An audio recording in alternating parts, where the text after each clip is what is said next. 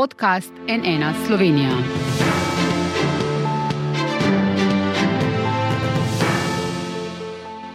Dobr dan, to je NN studio. Kako se bo razpletla drama s pravosodno ministrico Dominiko Švarc-Pipan, ki je sprožila najresnejšo koalicijsko krizo doslej? Javno obračunavanje s socialnimi demokrati, ki so se ji odrekli, odlašanje premija Roberta Goloba in merjenje mišic. Kdo bo koga in kaj vse bo še naplavilo na dan, zdaj, ko je ministrica več kot očitno na izhodnih vratih iz vlade in ko so rokavice snete? Kdaj bo odstopila? Ministrica za pravosodje Dominika Švarc-Pipan je naša današnja gosta. gostja. Dobar dan. Dobar dan tudi vam. Najprej tole. Sinoči ste rekli v oddaji 24 ur zvečer, tako smo vas razumeli, da boste odstopili, ko oziroma če bo to od vas zahteval predsednik vlade Robert Golob. Se je to do tega trenutka že zgodilo, z, njimi, z njim ste praktično vse čas v stiku? Ne, to, to se še ni zgodilo in nisva vse čas v stiku. Jaz sem seveda tudi druge delovne obveznosti, tako kot on. Sva pa že od eh, prvega, prvih srečanj na to temo dogovorjena, da ga sproti obveščam, um, dopolnjujem prvo poročilo, ki sem ga zadeve dala. Tako da, če odkrijem, razkrijemo kaj ključno novega, ga o tem obvestim, nisva se pa zdaj v teh dneh še pogovarjala o odstopu ali razrešitvi. Ja, on je bil vmes eh, tudi v v, v Bruslju. Ampak vprašanje, kdaj boste torej odstopili? Kot rečeno, jaz sem že sama povedala, da sama odstopila ne bom. Vsaj ne, če to... k temu eh, pozove predsednik. Ne, ne, to je drugo, če me aha, pozove, ampak aha. na lastno inicijativo ne bom. Uh, vsaj dokler se celotna situacija ne razčisti do te mere, da bodo res uh, ključna dejstva in okoliščine pojasnjena in znana. To seveda ne pomeni, da bi ustrajala do konca kriminalistične preiskave ali, ali procesa, ki zna trajati več let, seveda ne, ampak želim zagotoviti, da v trenutku, ko, če bo potrebno, da odidem odidem, da, ko takrat, ko odidem, da uh, se bo zagotovo nemoteno nadaljevalo delo uh, organov pregona in da bodo razjasnjene tudi vse ostale nepravilnosti, ki se kažejo, ki niso kazniva dejanja, ker to ne bodo obravnavali organi pregona. V tej smeri morda lahko povem, da smo začeli izvajati oziroma sem dala navodila uh, že za kar veliko število ukrepov. Trenutno je v teku naprimer poleg notrne revizije um, ki naj bi bila po, po oceni revizorke pripravljena naslednji teden, uh, tudi priprava javnega naročila za zunanjo revizijo. Um, v ponedeljek nameravamo vložiti tudi predlog za revizijo urada za nadzor proračuna. Skratka, želimo vključiti vse ustrezne državne institucije, ki preverjajo tudi druge nepravilnosti, ne samo kaznjivih dejanj, um, in še nekateri takšni ukrepi za zavarovanje dokazov izvajamo in tako naprej. Ampak, gledajte, v koliko dneh zdaj vi pričakujete, da se bo to zgodilo, ta pogovor s premijem, ko vam bo pač povedal, povedal, ali je čas, da greste, ali bo pač predlagal vašo razrešitev ali kakorkoli. A govorimo zdaj tukaj o dneh ali tednih ali mesecih, časovni okvir imate. Kot rečeno, to ni moja odločitev. Uh, jaz se ta trenutek s tem vprašanjem v resnici zelo resno ne ukvarjam, ker sem absolutno fokusirana tudi pri svojem delu ob ostalih delovnih obveznosti na to uh, razčiščevanje zadeve. Vsak dan na nek način še ugotovimo, kaj nam še manjka v celotni zgodbi. Uh, zahtevamo od ustreznih uh, uradnikov, službencev dodatna pojasnila, dokumentacijo in tako naprej. Tako da pravzaprav sem sfokusirana na ta del, kot sem rekla, želim razčistiti, uh, kaj se je dogajalo, javnost ima pravico vedeti vedeti, to je moj ključni cilj. Eh, vse bolj, kot sem že pravzaprav omenila pred par dnevi, se res kaže in potrjuje, da je šlo tukaj za veliko več od zgolj neke šlamparije pri nakupu. Eh, tisto, kar še vedno ostaje odprto, je vprašanje, ali je res šlo za nesmotr nakup, to bo pač pokazala cenitev, um, ampak tisto, kar se je dogajalo v zadju, pa se vedno bolj razkriva kot zelo, zelo dobro organizirano. Torej, povsem možno, da boste ustrajali do interpelacije. Ne? SDS je vložila, ta razprava bo verjetno tam okoli aprila, a ne? Tam nekje na tisti seji, torej je možno, da boste do takrat ustrajali in potem. Če ne bo tam... drugačnega pričakovanja od predsednika vlade, kot sem že uh, pred dvema dnevoma povedala, si jaz pravzaprav želim te interpelacije, ker tam uh, na nek način opozicija mi je dala to možnost, ki mi je lasna stranka, ni torej, da na interpelaciji poslancem in poslankam, ki so me tudi imenovali na to funkcijo, pojasnim vse okoliščine, ki so mi znane in potem ali se poslanci tako odločijo ali pa, če se bo takrat tudi to pokazalo kot potrebno, potrebno, eh, da sama odstopim, vendar le. Jaz si želim, da bi se tudi v tej državi pogovarjali o tem, ali je odstop tista nujna in edina in tudi najbolj ustrezna sankcija, če želite. Ne. Tudi um, ne na zadnje, recimo, ne, prekršitve delovno-pravnih obveznosti uh, ni takojšna sankcija uh, odpoved uh, zaposlitve, ampak dosti krat je bolj ustrezno, da pač posameznika opozoriš, da razišče, da popravi napako in da za naprej deluje bolje. Ampak Tako da ste... to, ta odločitev, kot rečeno, ni na koncu odvisna uh, od mene. Vi ste nosilec javne funkcije, ki Absolutno tudi podpisal podpisal pogodbo, zaradi katere zdaj poteka predkazanski postopek. To je vse čas treba podarjati. Zdaj bo vas bom citiral. Če tudi bom najverjetneje morala oditi, bom šla mirno z zavestjo, da se val tega boja ne bo več dal zlahka ustaviti. To ste danes zapisali na Facebooku. Povejte nam, Kam boste šli eh, v službo, jo že imate, ste si jo uredili sami ali računate pri tem na pomoč premije ali kogarkoli drugega iz politike? Ta, ta most bom prekoračila, ko bom do njega prišla. Uh, jaz sem pravzaprav tudi že povedala včerajšnji tarči, nikoli nisem računala na neko pomoč politika, najmanj pa političnih strank pri iskanju službe, nikoli je nisem potrebovala in tudi na tak način, uh, ne vem, to očitno, kot sem tudi videla zdaj v tem primeru, je neka praksa pri nas, da se pač nekoga, ki odide, samo potem najde nekaj drugega, neka, nek izhod. Jaz tega ne potrebujem, um, tako da nisem še razmišljal o tem, kaj bo dan potem. Ampak, gledajte, na razgovor, ki vam ga je uredila stranka, ste pa pred leti na državno družbo DRI šli za hec. Ste rekli, ja, da tej tarči, če dovolite... se sliši neresno, ampak res, ker se mi je zdela tako uh, nenavadna ponudba, da stranka SD ponuja uh, uh, ureditev službe svoji članici v družbi DRI, um, ker ampak... pač se tudi tam verjetno dogajajo neka, neka sodelovanja med političnimi strankami. Um, in jaz sem šla tja se pogovoriti ravno zato, da vidim, kaj bi bilo za za tem, zakaj bi želeli. Bom odkrito povedala, če, če... Moj, moj, moje, moje razmišljanje takrat je bilo, ponudili so mi službo, s katero bi se pravzaprav ujela v neko pas nekih strankarskih stvari. Ampak gledajte, če vi takšne prakse zavračate, zakaj potem niste te ponudbe nemudoma zavrnili, s tem, ko ste šli, ste v bistvu na takšne sporne prakse pristali? Ne, ker gledajte, ne na zadnje, ni šlo tu za neko, um, da bi rekla, neko um, nepotistično ali klientelistično posredovanje um, ponudbe za službo, ampak je šlo za razgovor o tem, ali bi bila ustrezna za eno od njihovih delovnih mest. Uh, pravzaprav je bil pogovor zelo neformalen, direktor mi je takrat na vsa usta razlagal, kako je On je simpatizer, če, tako mi je rekel, stranke SDS in povedal mi je, da je to družinska stranka, družini prijazna. Jaz sem bila noseča in mi je zagotavljal, da seveda jaz bom potrebovala službo tudi potem po porodniški. Kot rečeno, včeraj sem to povedala na koncu pogovora, sem se mu zahvalila in povedala, da ne verjamem v takšne stvari, kot so ne free lunch, se reče po angliško prosta kosila ali pa darila in da gotovo ne gre za neko dobro namerno ponudbo, ampak verjamem, da je pravzaprav že takrat bila nastavljena neka upast, v katero se ne bi hotlo jeti hotela sem videti, kako to dejansko poteka. Uh mhm. -huh. Tako da že takrat ja. sem, sem začela na nek način ugotavljati, bila sem relativno nova v politiki, a, kako pravzaprav strankarska politika um, deluje v vseh, forah, državnih, vseh porah državnih podjetij, državnih institucij, državni uh, upravi. To je nekaj, kar je mene po prihodu iz tujine resnično začelo presenečati. Dobro, glede na to, da ste doktorica mednarodnega prava in da vam je vedno dišala, tudi to ste že delali, mednarodna pravniška karijera, pa bi bilo za vašo nadaljno kariero izjemno pogubno, če bi, se va, če bi se vaše ime zdaj znašlo v obtožnici, še bolj pa seveda, če bi vas sodišče zaradi vašega podpisa pod to sporno pogodbo obsodilo. Mnogi menijo, da je to vaš ključni motiv, da še ne odidete iz ministrstva, da rešujete sebe oziroma svojo nadaljno pravniško kariero, da iščete dokaze, s katerimi boste lahko vi osebno na sodišču dokazovali, da ste bili zavedeni in se izognili morebitni obsodbi, da torej niste žvižgačica, ki se bori za razkrivanje sistemske korupcije, pač pa, da enostavno rešujete sebe in svojo prihodnjo kariero v pravu. To je zelo zanimiva pravljica. Jaz se v njej ne vidim in za vso iskrenostjo in čisto mirno vestjo povem, da bi bila izjemno presenečena, če bi bila v tem postopku česarkoli osumljena, kaj šele obtožena, za kar so potrebni res visoke dokazni standardi in obstoj dokaznih gradiv.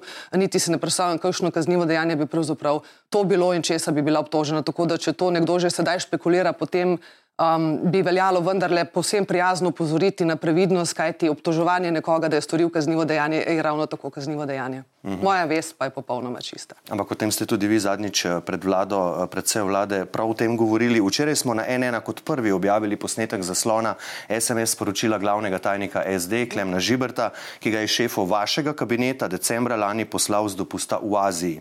To sporočilo ste vi omenjali tudi na ponedeljkovi seji mhm. predsedstva SD, kjer se je potem zgodilo, kar se je zgodilo, torej vam je odreklo podporo to predsedstvo. Je bil ta SMS vaš kronski dokaz za obtožbe o njegovem umešavanju v delo ministrstva? Ja, zdaj, gledajte, ne bova tukaj govorila o dokazih, to so zdaj že pravni termini. Zato jaz absolutno niti ne morem razkrivati vseh informacij in dokazil ali pa. pa glavni indico. povod, recimo, da ste eden od ključnih govorili. povodov, ne, jaz sem že tudi včeraj tarči povedala, da prvič sem zaznala, oziroma dobila nek občutek suma, da se tukaj dogaja nekaj več. Uh, ko sem um, dan ali dva po tem, ko so časniki začeli pisati o tej zadevi, uh, nenadoma ugotovila, da so, um, da so tri ljudje na mojem ministrstvu, oziroma dva človeka na mojem ministrstvu in tudi Klemen Žiber skoraj istočasno menjali telefone. O tem sem jih poprašala in niso hoteli tega hm, pač pojasnjevati. Um, oziroma, Klemen Žibert je posneval, da je higienično, eh, da vsak politik bi moral na vsake par mesecev menjati telefon. Um, takrat sem začela potem opazovati, uh, pregledovati ne to dokumentacijo poslov, ampak, ampak dokumentacijo, ki je bila na voljo, da ugotovim, ali se je kaj dogajalo na ministrstvu predtem, uh, kakšni so bili motivi. Uh, da bi Klemen Žibrt uh, menjal telefon istočasno z dvema uradnikom oziroma uradnikom in državnim sekretarjem in tako naprej. Um, tako da si, ta veste, SMS da... kot kronski dokaz, ta SMS je po moji oceni, tudi oceni pravnice, pravzaprav jasen dokaz, da se je generalni sekretar stranke SD operativno vmešaval v vsaj mhm. eno od faz tega, vsaj eno od faz tega posla, torej poskušal na nek način pomagati pridobiti finančna sredstva strani Ministrstva za finance. Zato nima nobenih pooblastil, to je popolnoma nespremljiva praksa.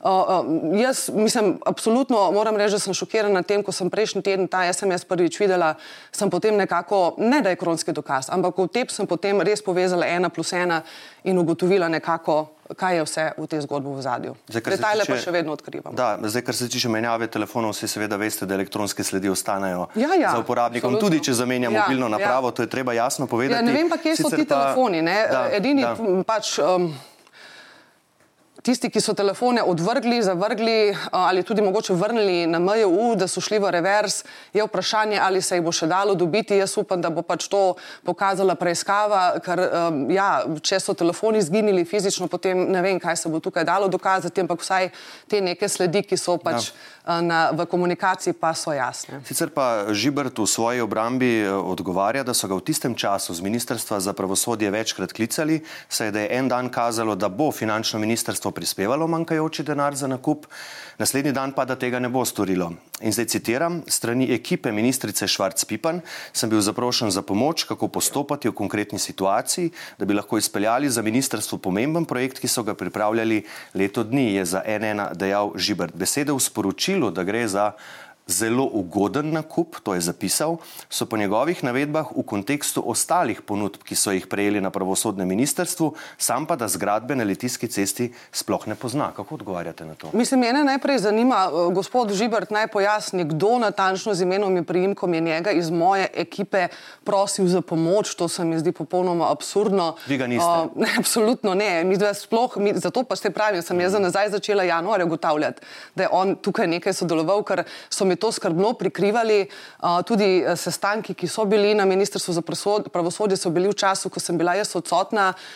Poročajo mi sodelavci, da veliko krat tudi v času, ko sem jaz šla kot četu na onkološki inštitut, kar je generalni sekretar Gojkovič vedno vedel, da se je takrat Klemen Žibrt oglašal tudi na drugi strani Župančičeve ulice, torej na sekretarijatu, kjer pa žal ne moremo pridobiti evidenc o prihodih in vhodih, ker sem v natančno pred dvema dnevoma, ko sem to skušala dobiti, ugotovila, da je zaradi degradacije edine osebe na ministrstvu, ki je imela pooblastila za upogled te evidence, degradacija um, te, te osebe je um, odredil gospod Gojkovič, to je bila oseba zadolžena, za, ki je bila vodja uh, službe za varnost pravosodnih organov, da od tistega trenutka naprej do danes, oziroma do včeraj, sedaj pravzaprav ni bil nihče na ministrstvu pooblaščen za upogled evidence. Torej tudi varnostno uh, je bilo zavarovano, da ne bi mogel do tega po domače rečeno čekirati in mi torej, um, na, sekretarjat na drugi strani je s tem kršil hišni red ministrstva, ko se ni evidentiralo prihodov in odhodov, kršil se je tudi zakon o tajnih podatkih, še to je upleteno. Ampak vi pravite, da se je on, da se je on umešaval že prej. To ste vi rekli, da se je on umešaval že prej, pa vi tega nikoli niste upozorili. A ste upozorili stranko, pa rekli, kaj je zdaj to, zakaj Klemen Žibrt pritiska name, glede, rekli ste, glede notarjev, recimo, tega pa niste storili takrat. No, glede notarjev sem jaz pravzaprav komunicirala ne samo s Klemenom Žibrtom, komunicirala o tem, da prihaja do poskusov uh, posredovanja ali pa vplivanja in da jim jaz, jaz na to ne pristajam, ne samo s Klemenom Žibrtom, ampak tudi z nekaterimi uh, drugimi člani uh, stranke, tudi z uh, kakšnim poslancem. Um, se je, se je takšna komunikacija zgodila, včasih je šlo bolj za namige v smislu, imamo enega od naših kandidatov v notarskem razpisu, a ne kakšne so možnosti. Lejte, jaz odločam na podlagi ocen strokovne komisije, ker je to edin, uh, edina podlaga, na kateri odločam. V enem primeru pa prišlo tudi do tega, da je, uh, da je bilo pravzaprav namignjeno, da naj posredujemo, to je Uroš Gojkovič, generalni sekretar, meni povedal, da bi Klemen Žibr želel imeti imena treh kandidatov v enem od notarskih razpisov, zato da bi na nek način dva od teh kandidatov, en naj bi bil naš SD, da bi dva od teh kandidatov pripričali, da ne kandidirajo dalje. Jaz sem takrat odločno postavila zid, popolnoma nezakonito bi bilo podajati imena kandidatov v razpisnem postopku. Tako da takšne prakse sem stranko tudi upozorila in povedala, da pač pri meni se tega ne gremo. Zato tudi to ni prišlo nikoli do kakšne realizacije tega vpliva. Bili so pa poskusi. V javnosti sicer zdaj kroži cel kup informacij in dokumentov, med drugim tudi elektronska pošta, ki smo jo mi videli in imamo jaz tudi uh, tu uh, pri sebi. To sporočilo naj bi vi 2. februarja 2023, torej že točno pred enim letom, svojega zasebnega elektronskega naslova poslali sodelavcem. Takole gre. Citiram: S predsednikom vlade sem uspela na kratko govoriti glede IMP opcije za sodno stavbo. Pravi, da bo podprl vsako rešitev, ki se bo pokazala za smotrno, tako z arhitekturnega vidika, kot možnosti zagotovitve finančnih virov. Prosim, zabeležite si, da se o tem pogovorimo v ponedeljek na kolegiju in se zmenimo, kako naprej. Konec citata. Tu sicer ne gre za stavbo na litiski, seveda ne, ampak iz tega pa je razvidno, da ste se vi že leto nazaj aktivno ukvarjali z možnostmi za novo sodno stavbo in da ste se o tem celo pogovarjali s predsednikom vlade Robertom Golobom, sodelavce pa o tem obveščali svojega osebnega elektronskega naslova. Ja, lahko povem, da uh, je tukaj šlo za pogovore, ki so potekali vse čas tega mandata, odkar sem mandat nastopila in odkar se je pokazalo, da ne bo v proračunu zagotovljenih sredstev za novo sodno palačo, za Bežigrajskim dvorom.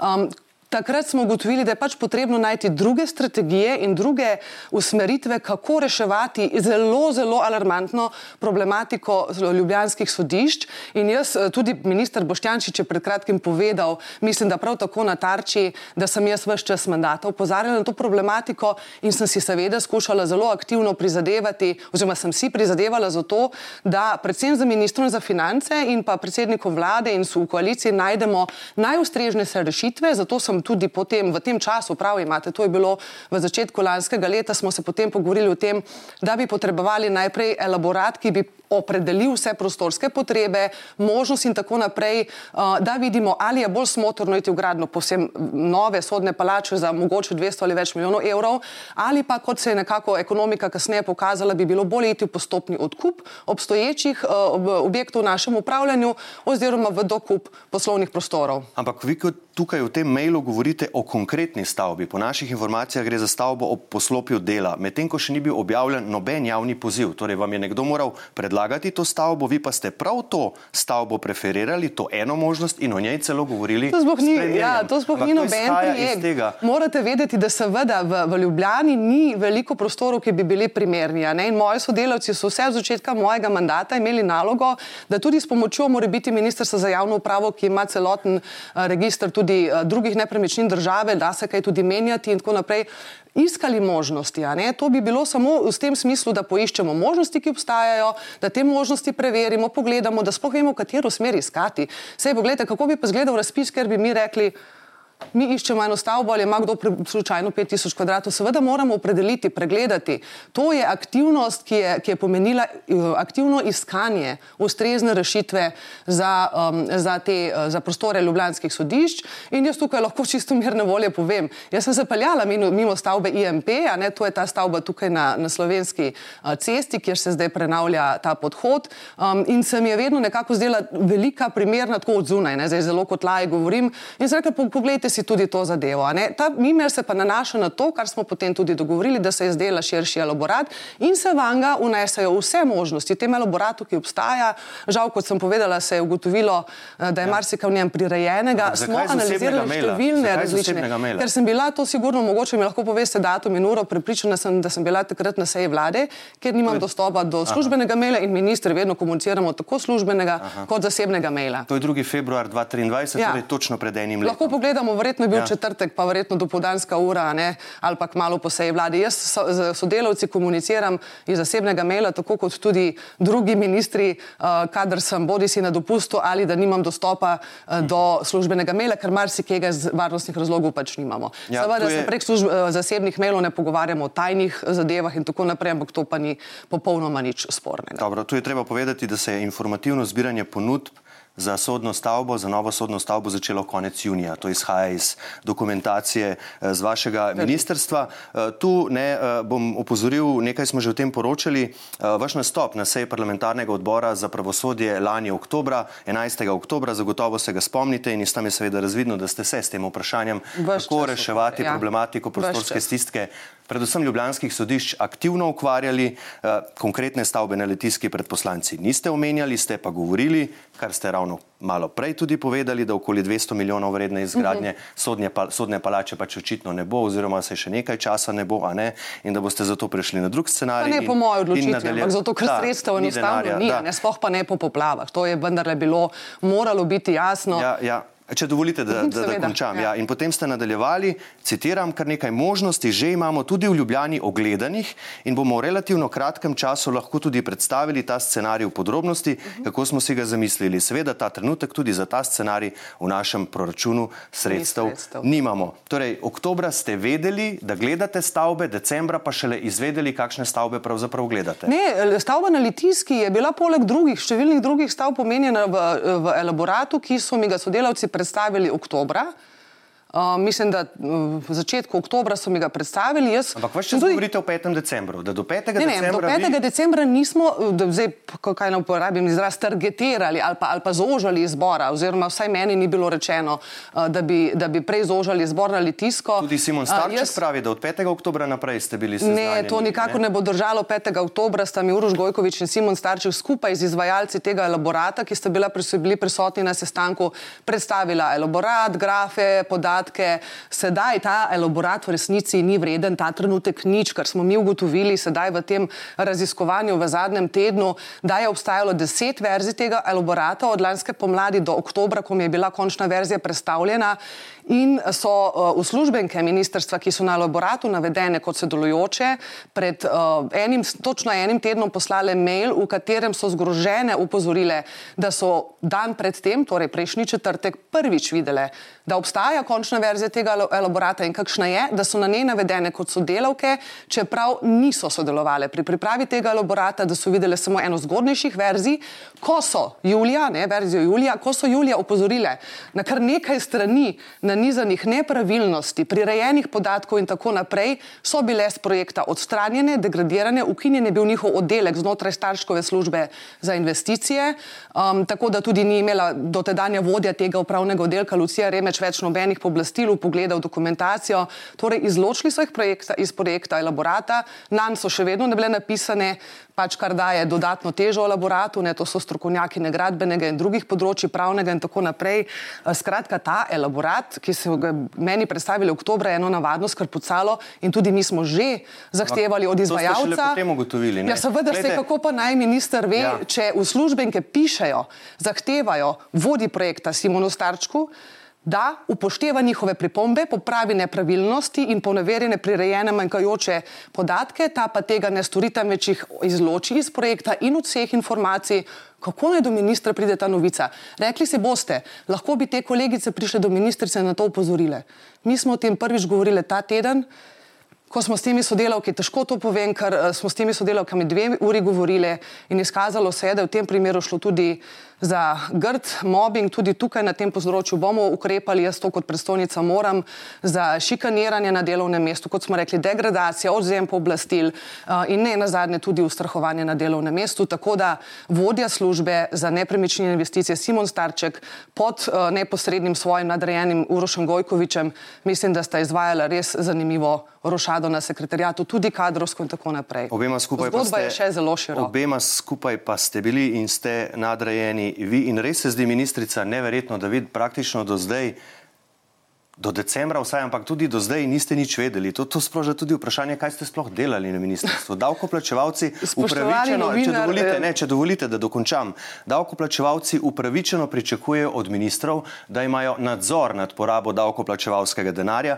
kako se ga porablja, je to dovolj skrbno, je to dovolj gospodarno, še posebej, ko gre za tako velike večmilijonske investicije, ta je bila 7,7 milijonska. Vi pa pravite, da se skoraj do zdaj s tem sploh niste aktivno ukvarjali. Če se niste, potem je vprašanje, kako ste to visoko funkcijo upravljali. Zdaj, vprašanje, zdaj, jaz bi vas prosila, da konkretizirate vprašanje, ne? ker ste pravzaprav prišli v cele zgodbe, ki smo jih zdaj uh, pripovedovala, od mobbinga, ustrahovanja kadrovskih rušad uh, do samega podpisa. Jaz sem že ničkoliko krat povedala, podpis na pogodbi je moj. Ampak vi ste že na začetku te zgodbe, ko je prišla v javnost na Pop TV-u, zagotavljali in govorili, da je to nekaj druge stvari. Sej, da, imate, da, imate, da ste svojega cenilca angažirali analizirali in, in vse te imam, stvari ste vi razlagali.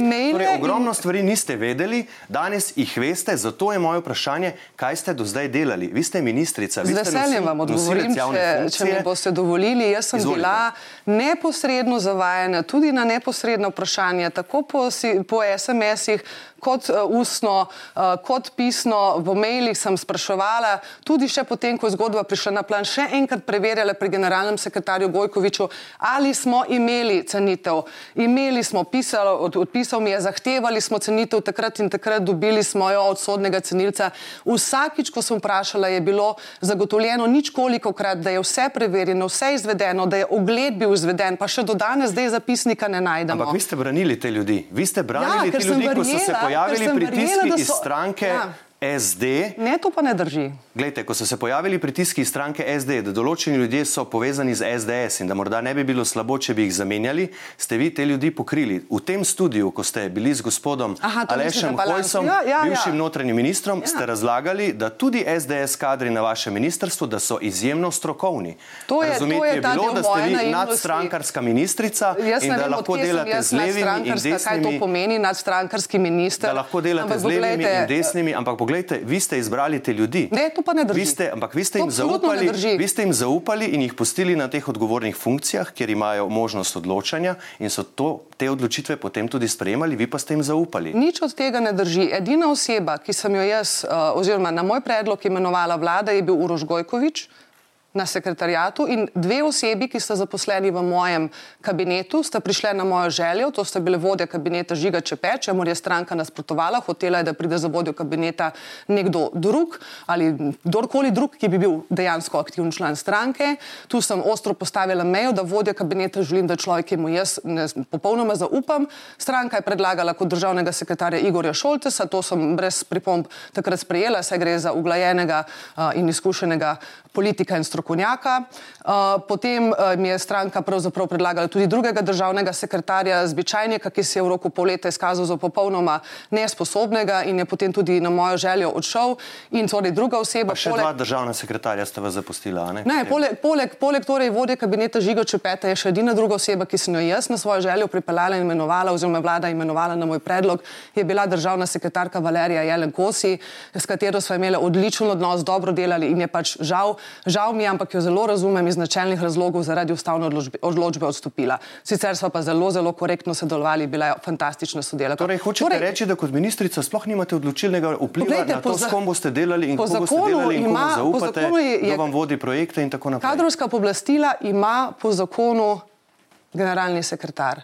Jaz nisem imenovala niti enega uradnika, nobenega direktorja. Uh, oziroma, edino vedi direktorico, ko je odšla prejšnja direktorica enega direktorata, uh, um, imenovala, pa tukaj imam jaz pravzaprav edino pristojnost, imenovati oziroma predlagati in imenovati nove um, ali pa menjavati direktorje direktoratov in nekatere druge, ampak nižjih uradnikov, vodji služb pa ne predlagam jaz. To ima polna pooblastila Uroš Gojkovič, ki je, uh, mi imamo tudi izdelano že uh, kronološki potek teh menjav znotraj službe, uh, kako je pravzaprav se vzpostavila ekipa službe za nepremičnine investicije, v katero je bila inkorporirana služba za varnost pravosodnih organov uh, s tem gospodom, ki je imel prej pooblastila za evidence in tako naprej. Njega so degradirali, vključili to službo, menjali prejšnjo vodjo, jo degradirali, šikanirali, kot sem prej povedala, in tam spostavili pravzaprav popoln nadzor. Kako naj do ministra pride informacije, ko jih nek nižji uradnik lahko rečemo po domači skriva v predalu, si pa jaz ne znam predstavljati. Razen tega, kar je včeraj, na kar je včeraj namignil gospod Jevšek, nezaslišano, da naj bi jaz s Pajsarjem uh, hodila po pisarnah, to absolutno bi bilo nezakonito in neustrezno. In tega ne morem početi. In gledajte, sedaj Simon Starček je še vedno na bolniški. Če ima on še kakšne dokumente ali komunikacijo, je enostavno, dokler je na bolniški, niti ne morem zahtevati od njega. Če in ko se bo vrnil, jo bom zahtevala, ne vem, ali jo bom tudi dobila. Torej, najenostavneje no, je, da uradnik. Svoje upravili tudi organi. Ja, se to, na, seveda, to je pa, do takrat se to je, ne? jaz čakam in upam. Zdaj pa vtis, da ste vi nekako, bom rekel, prva raziskovalka, no, predstavljajte si scenarij. Predstavljajte si scenarij. In tako naprej. Ne? Minister po prvem znaku neke sumljive zgodbe tiho odide. Do prihoda kriminalistov, ki praviloma ni naslednjo uro, se lahko na ministrstvu brez nadzora dogaja marsikaj. Tudi če pride nov minister, se najbrž ne bo najprej vrgel v to raziskovanje. Ne? Tako da jaz resnično, ko sem zaslutila, da je tukaj nekaj več zadaj, sem se pač vrgla v to raziskovanje in ne, um, ne pozabimo, nepravilnosti, ki so se dogajale in jih razkrivamo, niso nujno kazniva dejanja. Ta bodo preiskovala in potem dokazovala, uh, dokazovale pristojne inštitucije in organi. Normalno. Jaz nimam te pristojnosti, ampak nepravilnosti so se že pokazali, kršitve delovno-pravne zakonodaje, tudi mobbing in tako naprej, ne, kršitve, uh, prekoračitve pooblastil in tako naprej. Tukaj pa imam izključno pristojnost jaz kot ministrica, tudi da ukrepam z disciplinskimi postopki in tako naprej. In Tako da ste... ne drži, da samo organi pregona imajo tukaj neko vlogo. Absolutno je to napačno razumevanje Dobro. in zato verjetno se številne afere iz preteklosti pometajo pred, pred, pred, pred to vlogo. Minister odide in gre vse isto naprej, sledi se zakrijajo, psi lajajo in karavana gre dalje. Vsekakor si davkoplačevalci in davkoplačevalke zaslužijo, da vsaj ena od vsaj afer, enkrat, vsaj ena od afer, uh, da je končno v celoti razčiščena in da povsem natančno vedo, kaj se z njihovim denarjem, ki ga vplačujejo vse čas v proračun, dogaja in seveda vsi držimo pesti, da se bo to tokrat eh, tudi zgodilo. Uh, bomo videli tudi, kako bo naprej z vašo usodo, kot rečeno v naslednjih to pa, dneh. To je pa veliko manj pomembno. V naslednjih dneh torej še pogovori s predsednikom vlade in bomo to seveda spremljali. Za danes pa, gospa ministrica Dominika Švarc-Pipa, najlepša hvala, da ste prišli. Hvala tudi vam. Nasvidenje. Hvala pa tudi vam za vašo pozornost. Kot vidite, zadeve še zdaleč ni konec in zato jo bomo še naprej spremljali na nnainfo.si iz studija, pa zaenkrat le še lepo zdrav in nasvidenje.